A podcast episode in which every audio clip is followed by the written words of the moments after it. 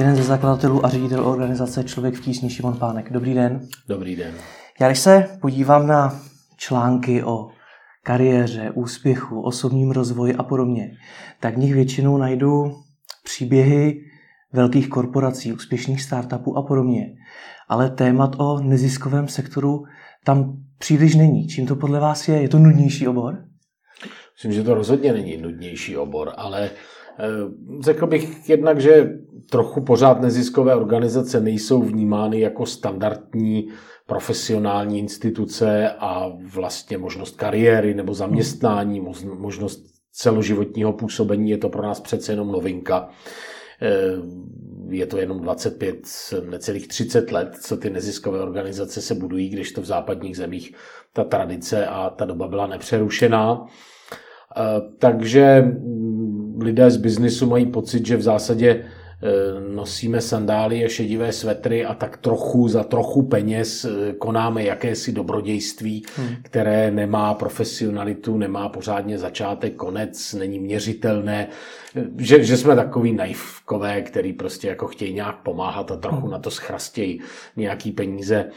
Není to tak, ten sektor je velmi profesionální, zejména v západní Evropě, ale i tady jenom pro příklad Británie je známa svým bankovním sektorem, hmm. ale v neziskových organizacích pracuje víc lidí než v celém bankovním sektoru v hmm. Hmm. V Americe je to velmi rozvinutá část společnosti a je vlastně standardem, že bohatí lidé se dělí o část svých zisků a svého majetku a často velmi podstatnou část svých zisků a majetku právě s občanskou společností, respektive s neziskovými nestátními organizacemi. Takže myslím, že to je dílem, že to není zvykem, dílem možná to může být i e, trochu na naší straně, že se neumíme prezentovat dostatečně sebevědomně jako samozřejmá součást společnosti, Eh, určitě je část kolegyň a kolegů, kterým jakoby ta korporátní kultura, to znamená oblek, eh, způsob komunikace, není příjemná a chtějí si udržet nějakou kulturní odlišnost, což nás možná šoupe opět zase trošičku do skupiny těch eh, mírně pomatených idealistických eh, dobrodějů, ale myslím, že to tak už dávno není. Že... Eh, a druhá věc, ten sektor není postaven na penězích. A když se mluví o kariéře, tak většinou, možná s výjimkou třeba vědy, vědy a umění, ta kariéra se také poměřuje penězi. A to v těch neziskových organizacích ten, ten posun mezi tím, kdy jste pěšákem, který začíná a CEO velké organizace je e, nesrovnatelně malý ve, ve srovnání s tím, jak to funguje teda v korporacích a v biznisu. Hmm. V tom biznisu se úspěch nejčastěji poměřuje právě penězi, které zmiňujete. Jak se poměřuje úspěch v neziskovém sektoru? Určitě nějakou roli hraje i ta velikost. Není to vůči role, si myslím, ale v tom současném světě samozřejmě velikost má nějaký význam, eh, umožňuje nějakou economy of scale, umožňuje taky nějaký, nějakou schopnost být eh, konkurenceschopní hmm. mezinárodně, větší stabilitu, jak pro zaměstnance, tak pro organizaci, protože malá organizace, stejně jako malá firma, která žije vlastně zakázku od zakázky, v našem případě projekt od projektu, tak je křehká oproti těm velkým korporacím. Ale mm, u nás samozřejmě velikou roli hraje to, jestli ti, pro které tu práci děláme, to znamená ti příjemci pomoci, nebo ti, kteří se vzdělávají, nebo chodí na filmy jednoho světa na jedné straně, lidé na Ukrajině, v Sýrii, v rozvojových zemích, eh, čili ti na jedné straně, jestli mají pocit, že jim to něco přináší, jestli jsou spokojeni s tou naší službou, protože my jsme vlastně typ služby. Hmm. A na druhé straně dárci, ať už jsou to soukromí dárci, korporátní, anebo vládní nebo mezivládní instituce, které poskytují ty peníze. Eh, nevytváříme zisk, nemáme majitele, který by na konci roku změřil, kolik zbylo a to se rozdělilo, což je vlastně, bych řekl, velmi příjemné, protože v tom prostředí opravdu nejde o peníze. Ty peníze nejsou tím hlavním důvodem, proč existujeme, jsou samozřejmě potřeba, jsou potřeba pro naši práci, jsou potřeba také proto, že nemůžete tu věc dělat eh, profesionálně a dlouhodobě jako dobrovolník zadarmo, všichni to bereme jako zaměstnání eh, a také jako zaměstnání a prostě potřebujeme samozřejmě nějaké slušné ohodnocení k životu, ale ty peníze nejsou tím hlavním. Ani já jako manažer vlastně nejsem nějak svázán s obratem člověka v tísni, čili Prostě ano, jsou potřeba, ale důležitější je dělat tu práci kvalitně, dobře promyšleně, tak, aby ty věci posunovala, eh, aby byla udržitelná a dlouhodobě hm, ty výsledky měly nějaký vliv. A ty finance tam jsou taky důležité, ale nikoli jako hlavní motor, nikoli jako něco, co nakonec přináší zisk, proto je potřeba ořezávat náklady maximálně. Hmm tlačit na to, být třeba v konkurenci, protože konkurence existuje mezi ne, ne, neziskovými nevládními organizacemi, ale je to taková měkká konkurence, protože nakonec je trochu jedno, jestli to udělá organizace A nebo organizace B, pokud to udělá dobře e, například tu pomoc pod tsunami nebo práci někde v Africe. E, a tím, že tam nejde o peníze, tak tím, že my nevyhrajeme v nějakém výběrovém řízení projekt, tak ano, můžeme třeba řešit to, že budeme muset trochu propouštět, zmenšit týmy, nebo naopak, když něco začínáme, tak s většitými a nemáme ten zisk, nemáme ten buffer toho zisku, že bychom mohli někoho jen tak zaměstnávat a čekat, na rozdíl přece jenom od biznisu v nějakých chvílích. Ale zároveň ty vztahy jsou daleko jakoby softovější, já bych řekl příjemnější, protože prostě tam není ten finanční tlak. Když jste ale jmenoval ty faktory, podle kterých jste vy jakožto manažer hodnocen, tak to byly většinou faktory velmi obecné. Podle čeho tedy vy sám hodnotíte svoji práci? Celá řada mm, dílčích nějakých ukazatelů. Dívám se na to, jestli jsem schopen eh, vést ty lidi, jestli je inspiruju, jestli dokážu podporovat své zaměstnance a kolegy a kolegyně, my si spíš říkáme kolegové a kolegyně než zaměstnanci, eh, jestli dokážu spolu řešit problémy v té společnosti, eh, jestli jsem oporou třeba v krizových situacích, jestli dokážu zvládat krizové řízení, které hmm. prostě čas od času také, zvlášť když pracujete ve 30 zemích na světě a z toho celá řada jsou ty nejtěžší země, které jsou představitelé jako Sýrie, Irán, Kongo, hmm. Sýrie, Ukrajina, Afganistán, Kongo, Sudán a podobně. Eh, rozhodně taky hraje roli eh, to, jestli jsem schopen pomáhat s fundraisingem v té organizaci, jestli jsem schopen Eh, přesvědčivě hájit nějakou misi a vizi, kterou máme směrem k veřejnosti, prostřednictvím médií samozřejmě. Hmm. Takže je to celá škála vlastně eh, nějakých eh, ukazatelů a nikoli hm, třeba čistě finanční hlediska. Hmm. Když se ale vrátíme k těm článkům, tak v nich jsou většinou vyobrazovány vzory nějakých úspěšných lidí. Ať už z oblasti biznesu, ale třeba i sportu, kultury a podobně. Hmm. Má i neziskový sektor podobné vzory? To já nevím. Eh, asi ano. Neziskovky obecně jsou hodně kritické mezi sebou, sami k sobě, ale určitě vzory existují. Když se člověk podívá do světa, tak já mám mm, řadu lidí, s kterými jsem se setkala, kteří mám pocit, že dobře vedou své neziskové organizace. Spíš než řídí, tak vedou. To hmm. prostředí bývá velmi demokratické a je tam skutečně, nikoli jenom verbálně a povrchně, ale skutečně velký prostor pro seberealizaci, protože lidé na sebe přijímají část odpovědnosti, že se skutečně podílí, spolu rozhodují prostě o těch věcech. To je totiž něco, co tam spoustu velmi schopných lidí drží, přestože finančně jsou ohodnoceni méně, než by byli třeba v korporacích, ale mají tam prostě větší prostor. Hmm. Eh, což je zajímavé pro člověka, který má ambice, chce něco dělat, chce prostě se podílet na vytváření věcí, chce být skutečnou součástí rozhodovacích procesů vevnitř a nejen hm, jaksi povrchně eh, nebo eh, technicky být tou hmm. součástí a ne reálně. Takže a nevím, nakolik existují vzory. Ono i v tom biznisu, kdo je vzorem. Je to ten nejdravější manažer, nebo je to ten, kdo se nejlépe postaral o svoje zaměstnance, je to ten, kdo firmu dotáhl k největšímu zisku. Kdo vás osobně inspiruje? A mám tam pár lidí ze západní Evropy. My jsme v takové alianci sedmi organizací, osmi, sedmi, osmi organizací, které jsou ze západní Evropy a my teda jediní z té střední.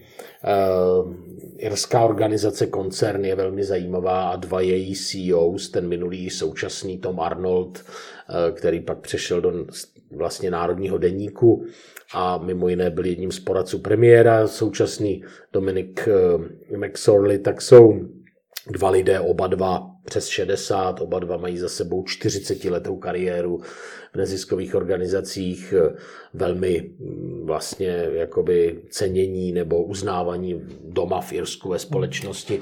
A u obou dvou mě vlastně ten jejich daleko rozvážnější styl, než jsem mýval já. Já už taky trochu stárnu, takže už se to tak uklidňuje. I jakási ta stabilita a ta anglosaská schopnost vlastně být velmi diplomatičtí a přitom velmi jako pevní v nějakých principech, tak to jsou rozhodně lidé, kteří mě oslovují velmi zajímavý vzor Eh, nebo jeden ze vzorů pro mě je naopak top manažer z tvrdého biznisu v Německu, který přešel od Procter Gamble Německo a teď řídí největší německou neziskovku, která je naším partnerem.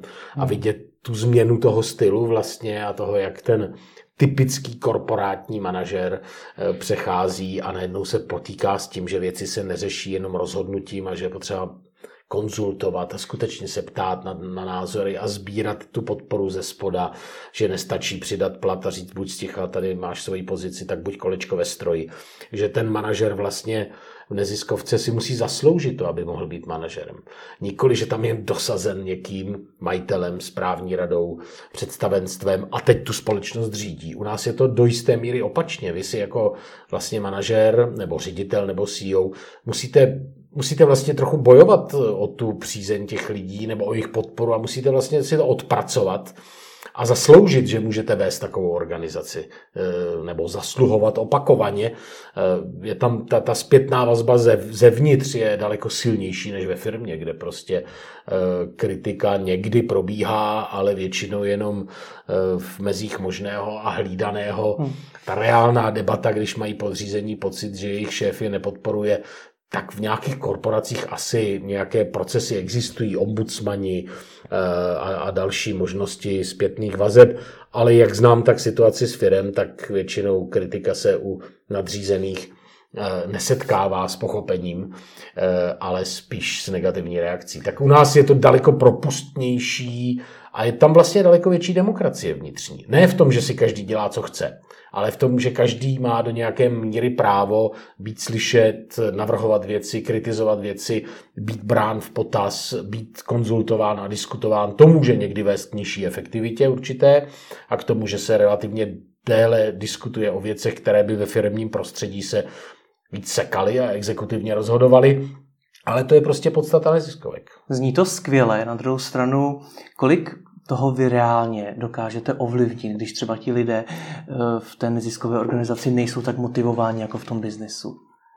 A proč si myslíte, že lidé v neziskové organizaci nejsou tak motivováni jako v biznesu? No před chvilkou jste sám říkal, že to třeba není o tom říct, eh, tady máš peníze a mlč, budeš kolečko ve stroji, což třeba mnohdy v tom biznesu funguje. A myslíte si, že to je lepší motivace, než když ten člověk to já věří tomu, co dělá a dělá to, protože chce a má pocit, že když mu něco vadí, tak to může říct. Ne vždycky se to samozřejmě nějak projeví, eh, ale já tomu nevěřím. Eh, hmm. Já si myslím, že ano, je spousta společností, kde je nějaká firmní kultura, která je velmi dělná, která není postavená jenom na penězích, ale na nějaké dynamice, na atmosféře, na energii, kde se hodně pracuje za hodně peněz, ale hodně pracuje, to nechci vůbec pochybňovat. Hmm. Ale je taky spousta Eh, firem, kde vlastně máte pocit, že značná část těch zaměstnanců jenom čeká od začátku do konce pracovní doby a že vlastně nejsou moc šťastní, že tam jsou, že tam nechodí s chutí, že se na sebe vlastně moc neusmívají, že tam nejsou moc rádi, jsou tam v podstatě, protože musí. Hmm. A já bych řekl, že u nás rozhodně se to netýká všech, zvláště ve společnosti, která má spolu s našimi místními zaměstnanci ve světě tak skoro 2000 zaměstnanců, tak to by bylo směšné, kdybych říkal, že každý se tam cítí dobře, šťastně a chodí rád každý den do práce. Ale řekl bych, že převládající atmosféra a nálada lidí, mých kolegyň a kolegů je, že to chtějí dělat, že tam chodí, protože chtějí, protože si to vybrali, a ano, očekávají, že za to dostanou nějakou mzdu, za kterou se dá žít. Ale ta primární motivace není dostat mzdu a nějak vykonat to, co tedy na mě v té korporaci vyjde, ale chtít něco dělat a proto vlastně udělat ten riskantní krok a jít pracovat do neziskovky možná za méně peněz, než dostanu hmm. Eh, v ziskové sféře, ale výměnou za to získat řekl bych, a zase neplatí to vždycky ve všech případech, ale řekl bych, že je vlastně trochu slušnější, měkčí, demokratičtější, eh, někdy bych řekl i férovější zacházení, než se může v některých těch korporátních hmm. sférách dít. Je v neziskovém sektoru dostatek lidí?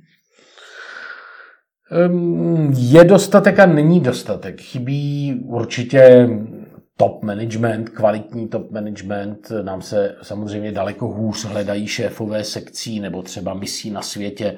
Tak si představte, eh, jaké specifika jaká specifika musí mít člověk, který vede misi v Afganistánu. Takových lidí v České republice prostě moc není. Upřímně řečeno nevím, jaká specifika by měl být.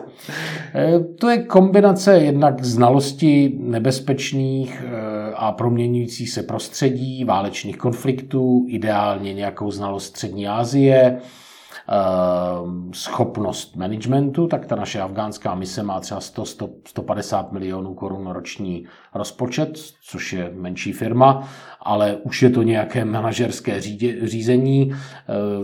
Ty hlavní finance přicházejí od mezinárodních dárců, to znamená od velmi sofistikovaných vlastně vládních agentur, které takto peníze používají několik desítek let a jede se normálně v projektovém cyklu. E, projektový management je samozřejmě součástí.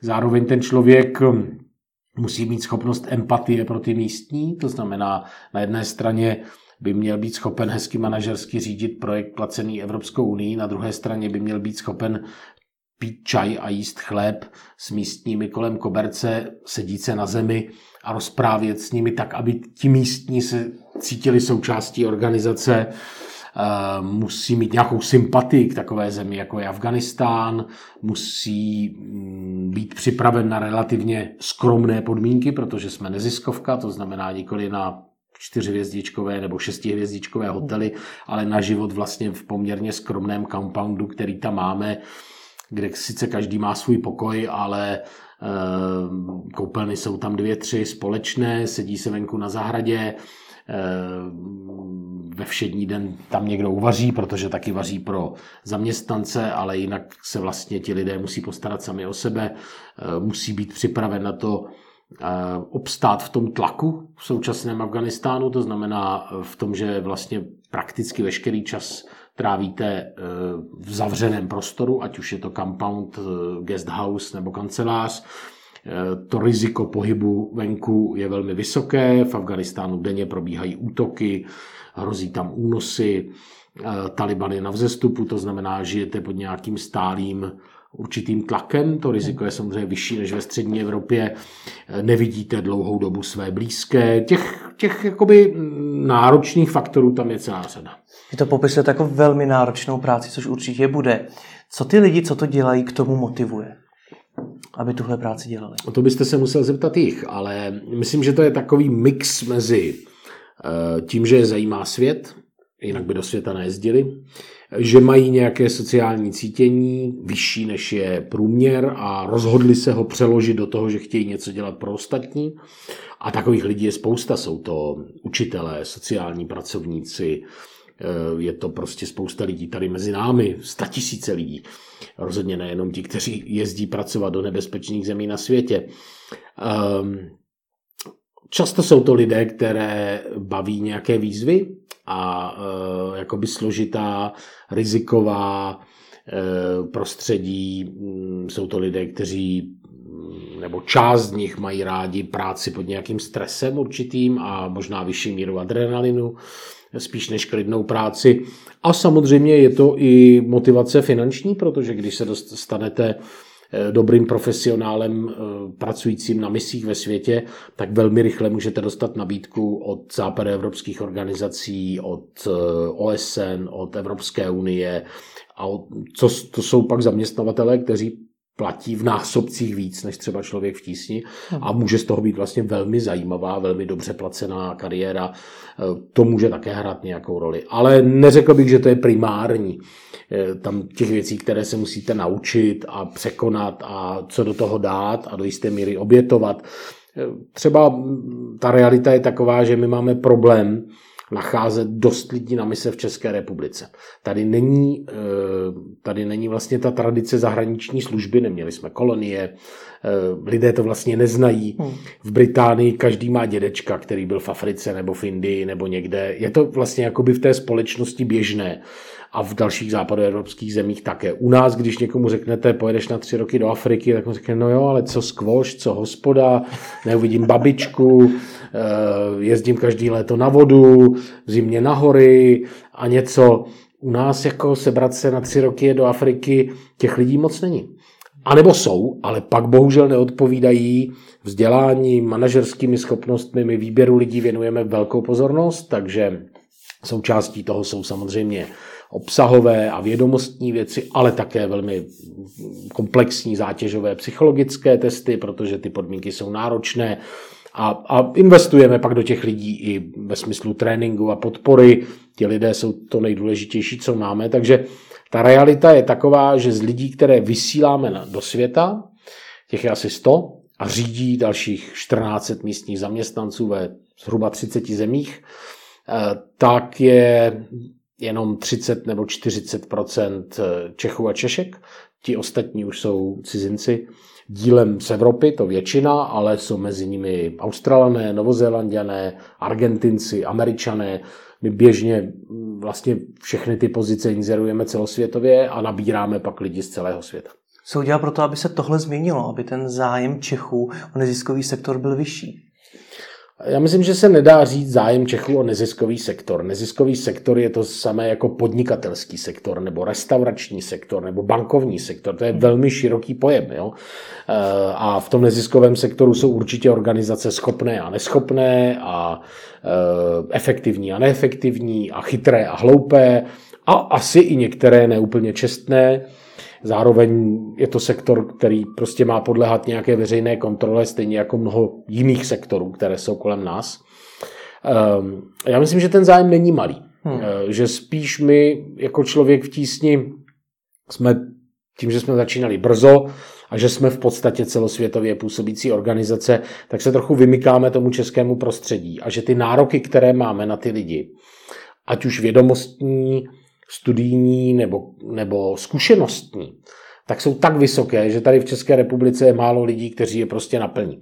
A v té konkurenci, když je výběrové řízení na nevím, třeba specialistu na vzdělávání do Angoly, tak jazykové vybavení, zkušenost z práce v Africe, studia, která se tomu blízká, ochota pracovat venku, eh, manažerské zkušenosti. Prostě v České republice je velmi pravděpodobné, že ti kandidáti neuspějí v konkurenci Portugalců, Španělů, Britů a proto prostě vy, jako v tom výběrovém řízení pak vybíráme toho, jako každá jiná firma, kdo se nám zdá nejlepší hmm. na výkon té práce. To, co děláme, protože nechceme ztratit to, že jsme česká organizace, tak otvíráme jakési eh, kanály ze spoda, takže je u nás celá šířka možností pracovat jako stážista, eh, tady v Čechách, eh, jako někdo, kdo je dobrovolník tady na headquarteru, na tom jako velení vlastně, nebo vedení v České republice, ale také dobrovolník na misích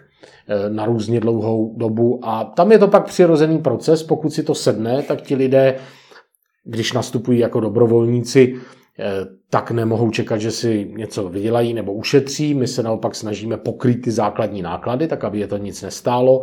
Pochopitelně ne, když někdo chce jet na tři týdny někam pomáhat do Afriky, protože ten přínos takového výletu je mizivý. Takový člověk si to musí v zásadě zaplatit.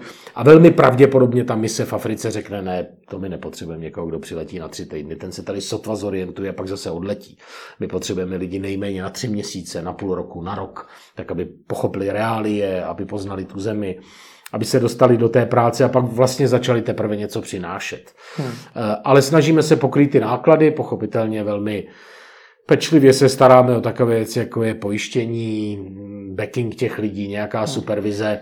A když si to sedne, tak ti lidé pak přirozeně v systému organizace stoupají nahoru, dostávají nabídky, možnosti a není, není překážkou, že neměli předchozí zkušenosti, protože nenastupují rovnou vlastně do manažerské pozice, ale do pozice dobrovolné nebo někoho, kdo přichází na stáž ani není pře, překážkou, že třeba nevystudovali, tak jako se to studuje v Británii, v Německu, v eh, Holandsku, nějaká specializovaná studia rozvojové pomoci, protože se to vlastně svým způsobem naučí během praxe. Hmm. Takže to je jakási brána, jakýsi výtah nebo kanál, eh, který nabízíme lidem v České republice, eh, kteří chtějí začít zejména těm mladším po škole, kteří si to chtějí zkusit, jestli to vůbec pro ně je taková práce.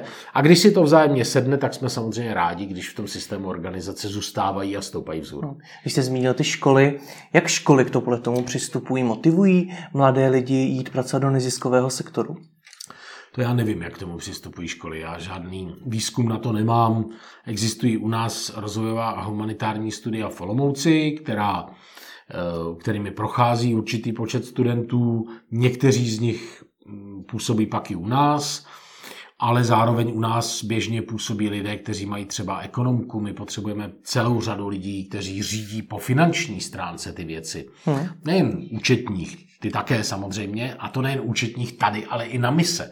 Takže málo kdy si to někdo, kdo vystudoval třeba střední školu nebo vysokou ekonomického směru a dělá finance, dovede představit, ale v rozvojové a humanitární organizaci se velmi dobře dá pracovat i s touto kvalifikací a být, ať už tady, finančním vlastně manažerem pro buď nějakou misi venku, nebo nějaký projekt, nebo skupinu projektů u nás, anebo někým, kdo dělá toho finančního officera, Eh, někde ve světě a je rok, dva, tři v nějaké zemi a tam vlastně řídí po finanční stránce práci na místě. Takže nabízíme vlastně dost prostoru i pro lidi s ekonomickým vzděláním.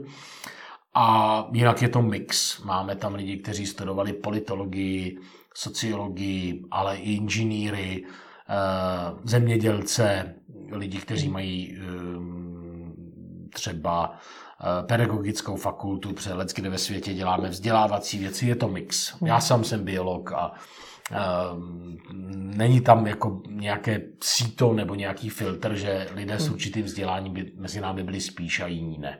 Jde, jde, jde o to, že školy velmi často říkají, musíš se učit, musíš mít dobrý známky, musíš mít titul, aby si našel jednou dobře placenou práci. Mm. A neříkají vlastně nic o tom, nebo aspoň mě nikdy neřekli, co musím udělat pro to, abych jednou mohl pomáhat? Nebo abych eh, pomáhal jednou. Tak jestli si myslíte, že tohle ve školách chybí, že by měli více vést mladé lidi k tomu, aby vstupovali do neziskového sektoru a pomáhali?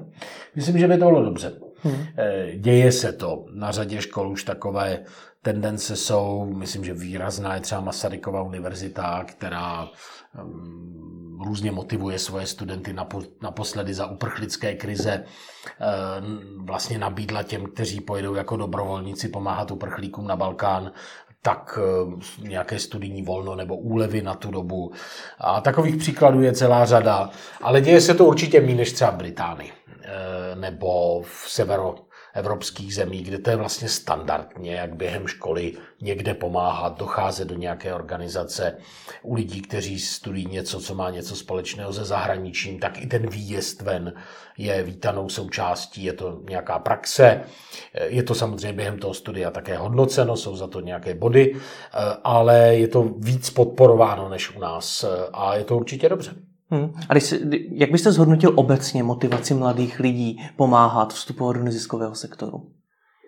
Já si nedokážu takovouhle obecnou motivaci. E, myslím, že jako v každé společnosti jsou lidé, kteří mají nějaké biznisové geny, to znamená umí ten biznis a, a dobrý biznis je základ prostě fungování moderní společnosti, kromě teda nějakých základních pravidel liberální demokracie a e, svobody a spravedlnosti.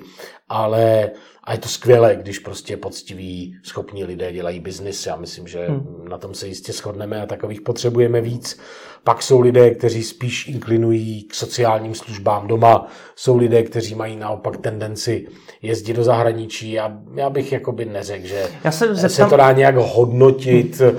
V těch školách by bylo fajn, kdyby to možná bylo jako přirozenější součástí nějaké výchovy k aktivnímu a zodpovědnému občanství, že člověk by taky v životě měl trošičku pomáhat, nebo trošičku přispívat, nebo trochu se hmm. podílet na nějaké, na nějaké jakoby společenské odpovědnosti. Ale je to proces. E, myslím, že, že ta tendence vysokých škol a univerzit to dostávat do, do vlastně ovzduší a do kultury na těch školách existuje a že rozhodně ten posun je viditelný za posledních 10, 15, 20 let. Hm.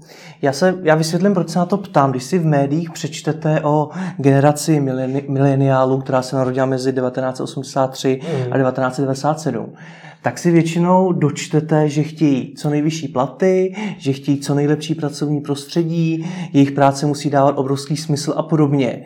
Co jim tedy dokáže nabídnout neziskový sektor? Protože tohle to chtějí i po velkých firmách. Hmm. Tak jednak jim dokáže ve většině případů, ne určitě každá neziskovka, každý projekt a v každé chvíli a každému, já nechci mluvit Chápu. v absolutních pojmech, tak jim na, dokáže nabídnout uh, skutečný smysl. A ten si myslím jako hledá těžko v postmoderní době často. Uh, v té relativizované době a tak dále. Určitě ne velké peníze, ale potřebuje člověk jako k životu velké peníze, nestačí mu přiměřené peníze. Je to štěstí o tom nakupovat víc a víc krámů v podstatě a, a hromadit ty věci, anebo spíš žít nějaký produktivní život eh, v dobrém kolektivu, klidně firemním. Je spousta firm, eh, které nabízí mladým lidem hodně zajímavé kolektivy, velmi zajímavou dynamiku, tvůrčí prostředí, dovedu si představit, že v mnoha případech lepší než my. My jsme trochu fabrika a u nás je to prostě dřina. Přijdeš a budeš pracovat, budeš pomáhat, ale, ale čeká se, že budeš hodně pracovat. Taková je kultura v člověku v tísni.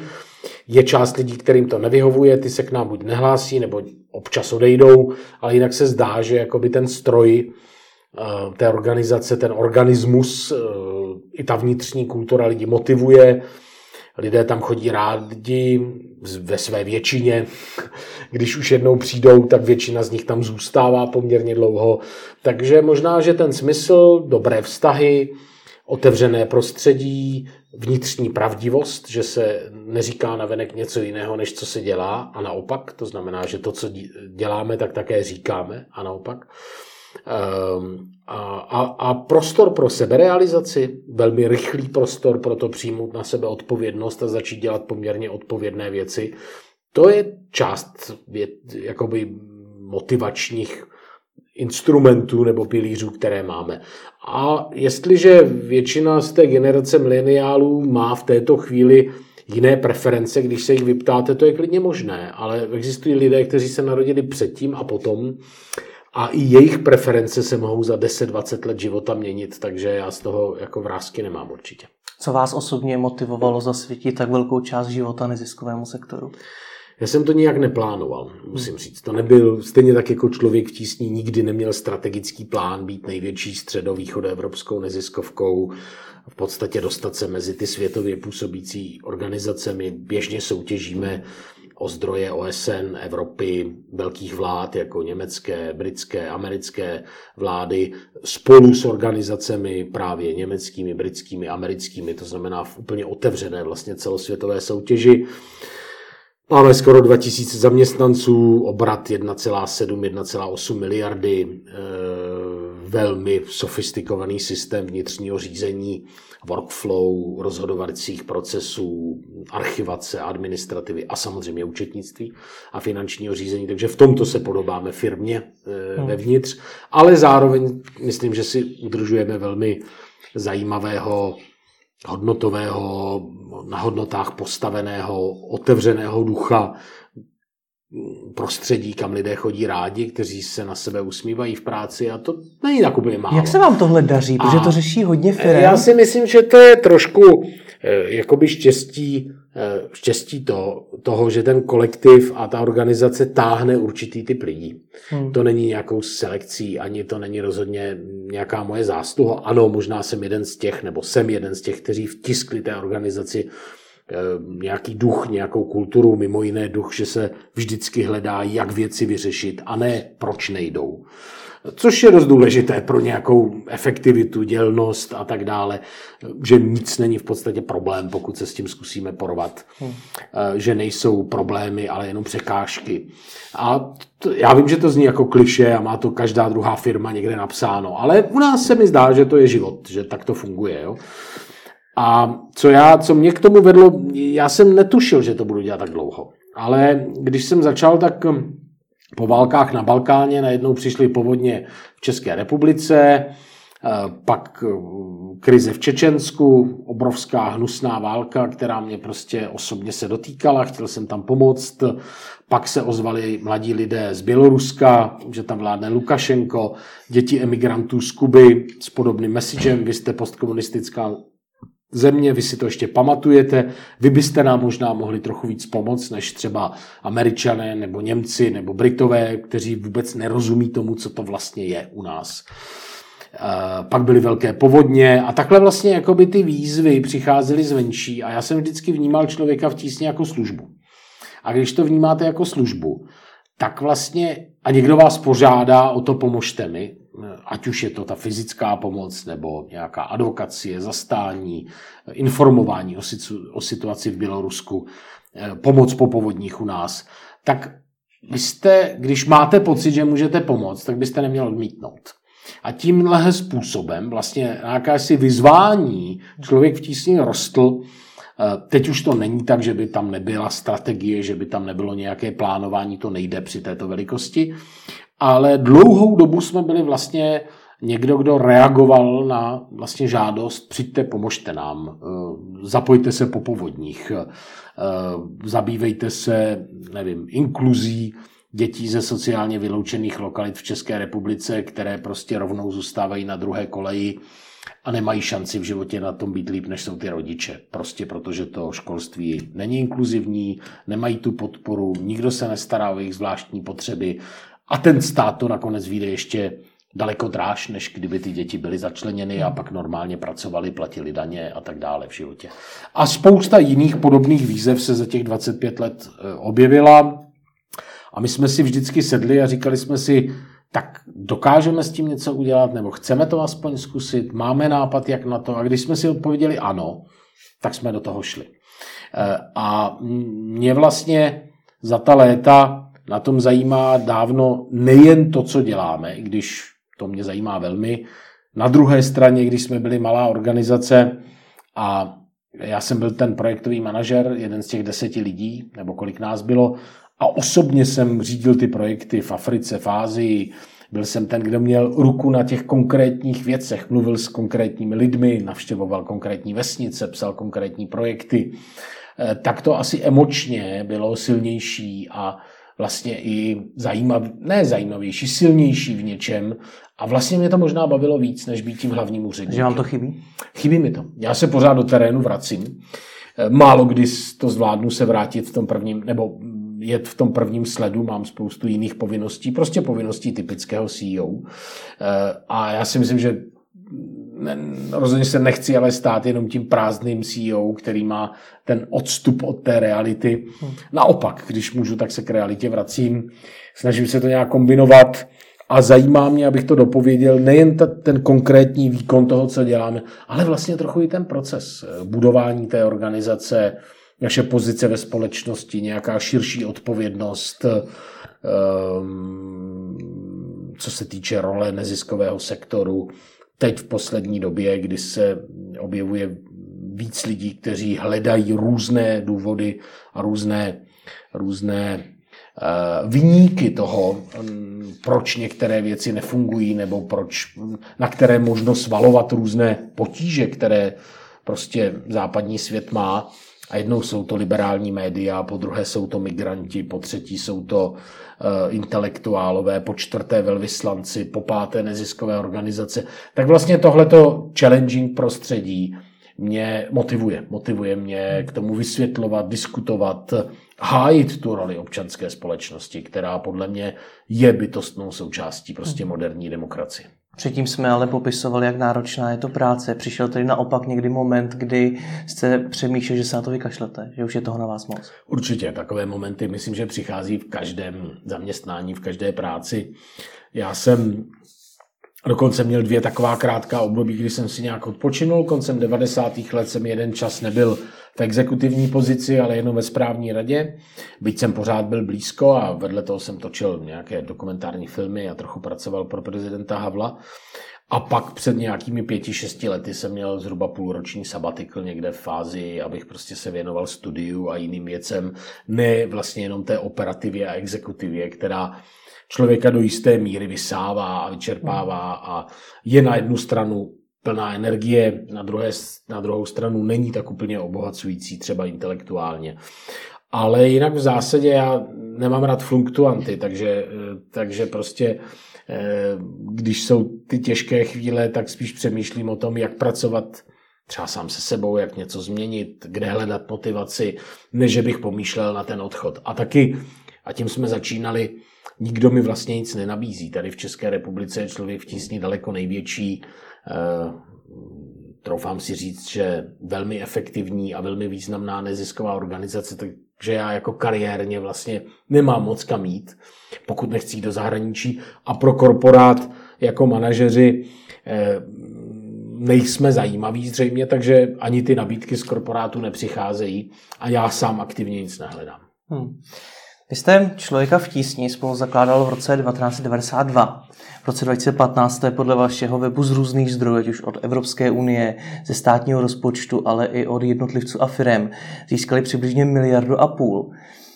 Absolutně nechci spochybňovat, že pomoc je potřeba, ale proč zrovna člověk v tísni? Já se bavím třeba s mnoha neziskovými organizacemi daleko menšími než jste vy a ty si o, podobné, o podobných penězích mohou nechat jen zdát, tak eh, co vám pomáhá získat tolik peněz?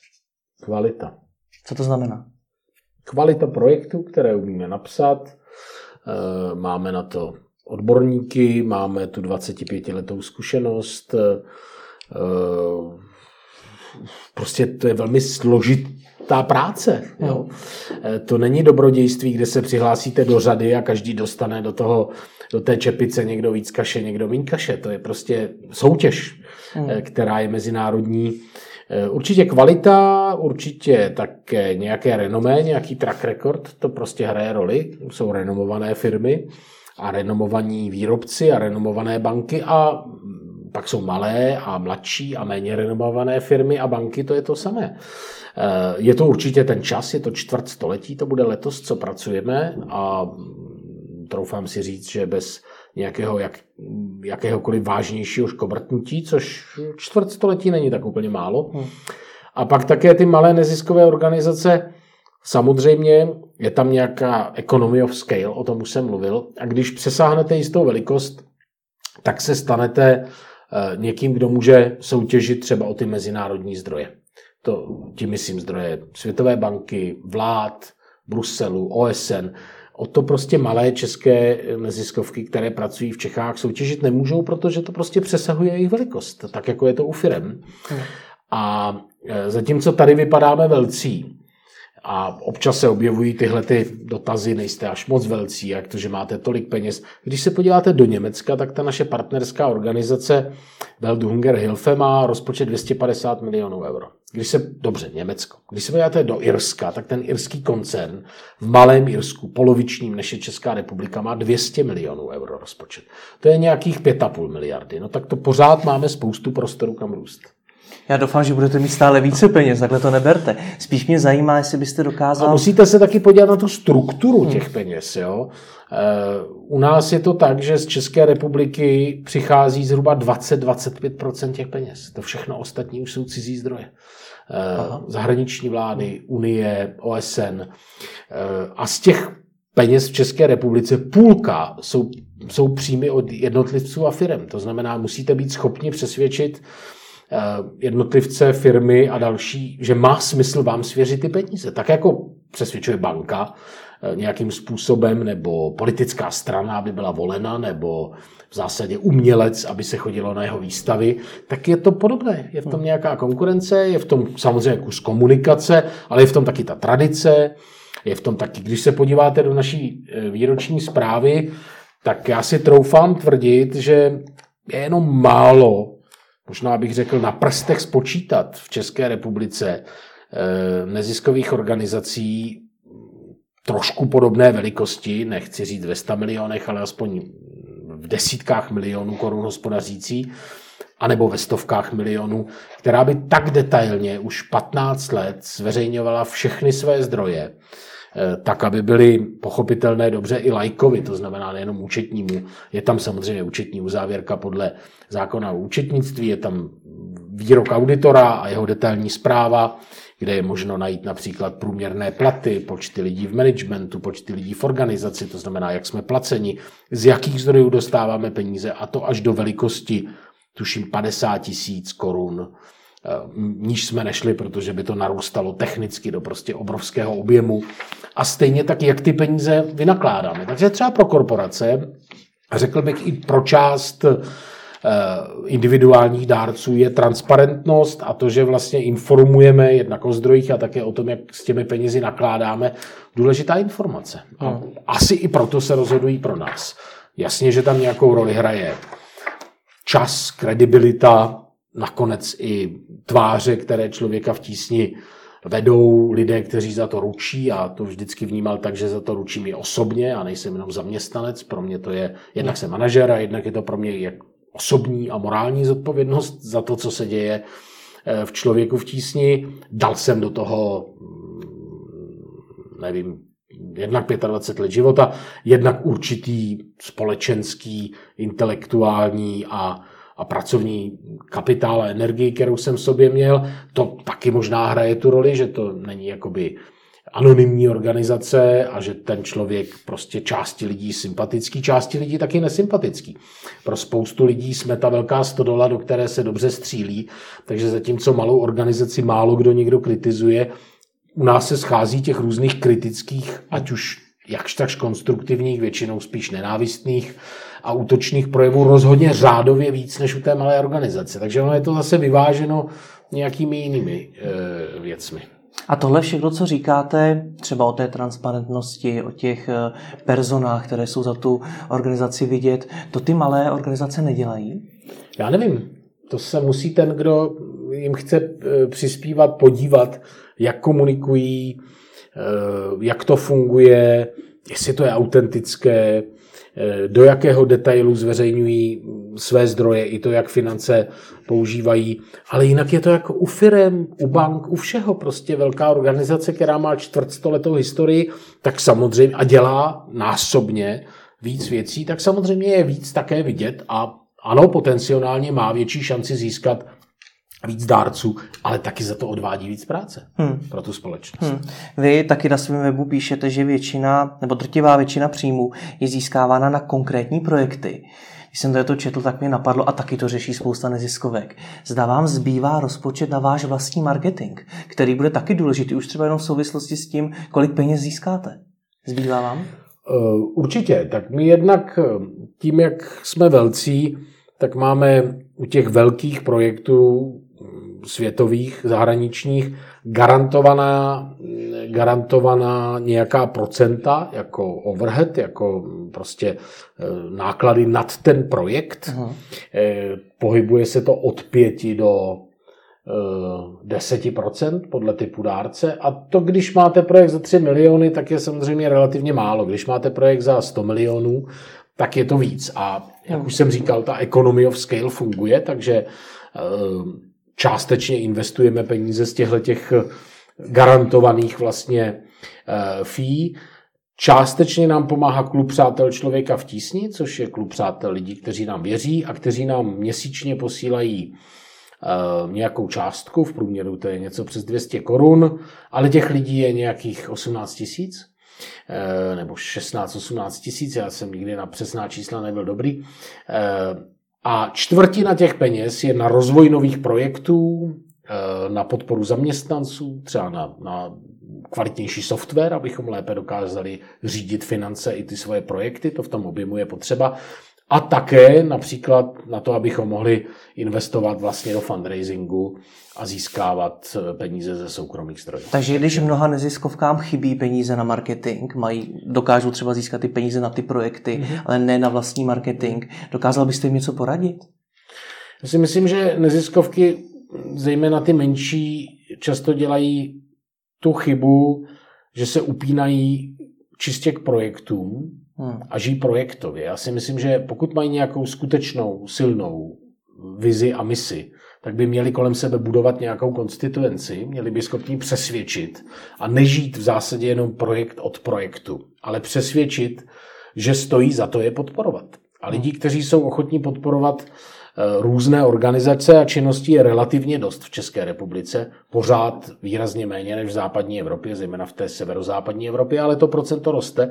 Takže přesvědčit o tom, že to, co dělají, vlastně eh, má smysl a že si to zaslouží být podporováno, Zároveň my jsme nebyli v jiné situaci před 20 lety, 15 lety. A je to nějaký proces. Uh-huh. Tak jako budování firmy, jako budování vysoké školy, jako budování média, tak budování neziskové organizace. Ty věci se nestanou takhle ze dne na den. Uh-huh. A hodnotit eh, to, že nám se po 20 letech zhruba podařilo být eh, mezinárodně působící velkou nevládní organizací, která přirozeně pak díky té economy of scale a počtu podporovatelů má i nějaké finance na také expertní vývoj vevnitř. Jo? Ten marketing, my marketing zas tak moc neděláme. My informujeme o tom, co, dě, co, co reálně děláme. Um, rozhodně tam nenafukujeme nějaké public relation bubliny, to mě vždycky bylo cizí a myslím, že na tom je ta poctivá komunikace člověka v tísni taky dost postavena. Prostě hmm. informujeme o tom, co děláme, ehm, komunikujeme to, jak to je nehrajeme si na prázdná PR, protože to nemáme zapotřebí a zase nejde o zisk, čili nejde o to prodat za každou cenu co nejvíc. Eh, v tom to máme snažší a ta konkurence je daleko měkčí než v biznisu. Já chápu, proč biznis je tlačen k tomu agresivnímu PR, a je to prostě proces, je to strašná práce. My jsme tomu věnovali 20-25 let života. Taky se to nestalo za tři roky, jako někdo, kdo založí malou organizaci. Mně to je strašně sympatické, ale je poněkud absurdní říkat, a jak to, že člověk v tísni je tak úspěšný a já tak úspěšný nejsem. To tak uvidíte za 15 let, hmm. jestli se vám to podvede nebo ne. Je to prostě velká dlouhá práce. Tenhle rozhovor budou poslouchat především podnikatelé, manažeři, marketéři a podobně. Jak oni mohou člověku v tísni pomoci? V každém případě korporátní partneři jsou pro nás zajímaví, protože já si myslím, že eh, koncept corporate social responsibility, to znamená společenské odpovědnosti firm, má být o odpovědnosti, nikoli o marketingu a eh, hezkém líbivém PR. Čili chápu, že část korporací chce ty peníze věnovat na kulturu, ehm, dětská hřiště a na jiné věci, to jsou taky potřebné věci, to nespochybňuji, ale věřím a vidíme to v realitě, že roste počet podnikatelů nebo majitelů, kteří třeba už prodali a mají víc času, než když dělali ten management, přemýšlet o jiných věcech, než o řízení firmy, eh, které zajímá skutečně to slovo zodpovědnost. To znamená, že jsou ochotni financovat i velmi těžká témata, jako je třeba předluženost v České republice, eh, práce na eh, regulaci eh, advokátních a exekutorských odměn, zejména u bagatelních dluhů, jak je možné, že tady máme miliony exekucí, inkluzivní vzdělávání, proč je důležité investovat do všech dětí bez rozdílu, i když mají různá zázemí nebo různé potřeby, protože na konci toho vzdělávacího procesu jednak nevíme, kdo bude ten nový Einstein a jednak každý, kdo uspěje a kdo pak uspěje na trhu práce, tak pro tu společnost je přínosem a ne zátěží.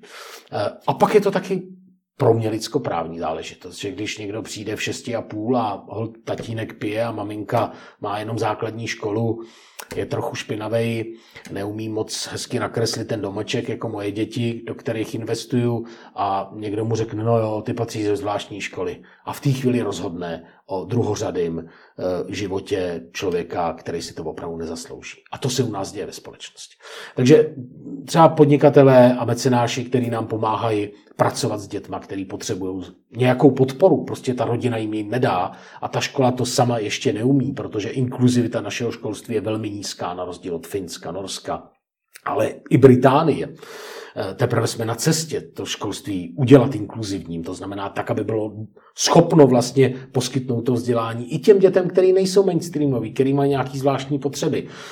Eh, jazykoví, jsou to imigranti, sociální, nebo třeba fyzický, nebo mentální, jsou geniální, nebo naopak jsou trošku slabší intelektuálně. A všichni tito si zaslouží nějakou podporu. A to je pro mě corporate social responsibility, to znamená ta zodpovědnost. Eh, pak je to práce v cizině, jsou lidé z biznisu, které zajímá mají vztah ke světu, hodně cestují, které zajímá to, co děláme v Nepálu, zemědělství v Africe, eh, podpora žen ve slamech v Ázii. To portfolio je velké a nás vlastně nezajímá korporát jenom jako čistý dárce. Hodně rádi jsme, když máme nějaký vztah, když můžeme s tou firmou komunikovat, když ona nás může trochu obohacovat, my je, když tam je nějaké partnerství. Eh, u individuálních dárců máme klub přátel, jak říkám, a některé další možnosti, stačí se podívat na web. Samozřejmě podporovatelé nás zajímají, ale zajímají nás také e, dobří zaměstnanci, to znamená kvalitní manažeři, lidé s odolností, lidé se vzděláním, lidé, kteří chtějí hodně pracovat a zároveň dělat smysluplné věci. Opět na webu máme a inzerujeme prakticky veškeré pracovní pozice. Průběžně jsme vlastně docela velký zaměstnavatel, zejména v měřítkách neziskové organizace. Takže všechny tyhle ty věci jsou pro nás přínosné, lze si vybrat nebo se jenom třeba seznámit s tím, co člověk v tísni dělá a pak se rozhodnout. Hmm. Na závěr se nemůžu nezeptat, jestli vás někdy uvidíme jako prezidenta, protože minimálně soudě podle internetu těch lidí, kteří by vás jako prezidenta chtěli, je opravdu hodně. Tak víte, prezidentem, na prezidenta člověk nemůže eh, kandidovat jenom proto, že ho tam někdo jiný chce. Při vší úctě ke všem těm, kteří mě podporují a svým způsobem to je lichotivé, to mi asi lichotilo leckomu, leckomu, nebudu to zakrývat, že to člověka potěší, když vidí, že má nějakou podporu a důvěru. Ale já se kandidovat nechystám, rozhodně ne, teda v nejbližší době. E, nikdy, nikdy v životě neříkám, celý život vlastně strkám e, věci, e, strkám nos do věcí veřejných, jestli někdy za 10, 15 let nebo někdy v budoucnu budu dělat nějakou politickou práci, tak se budu snažit ji vykonávat jako službu, stejně jako to dělám v člověku v tísni. Ale služba to neznamená submisivita, to neznamená slabost, to neznamená uh, uh, uhýbat z vlastního názoru. Naopak, služba podle mě na, o to víc znamená držet se nějakých principů, nějakých hodnot, mít sebevědomí a mít prostě tu čelo a, čelo a tu sílu ty věci prosazovat. Hmm. Tak vám moc děkuji za rozhovor a především děkuji za to, co děláte. Není za co, pro mě to je pořád stroj obohacení ve skvělém kolektivu lidí. Je to moje profese, to nezastírám. Eh, a jsem tomu rád, že mě vlastně život dovedl do něčeho, do něčeho takového, že takovou profesi můžu dělat. Tak ať se vám daří co nejvíc. Děkuji vám.